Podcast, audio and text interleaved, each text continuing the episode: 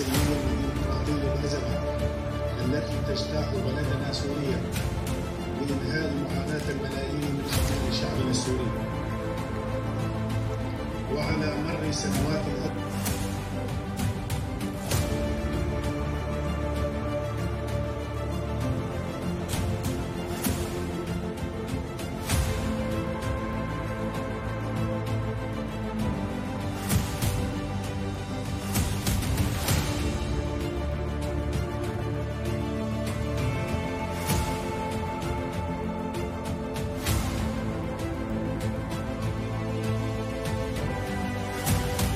الإدارة الذاتية لحل الأزمات السورية من الأزمات السياسية التي عقبت الفراق الشعبي الثوري الذي بدأ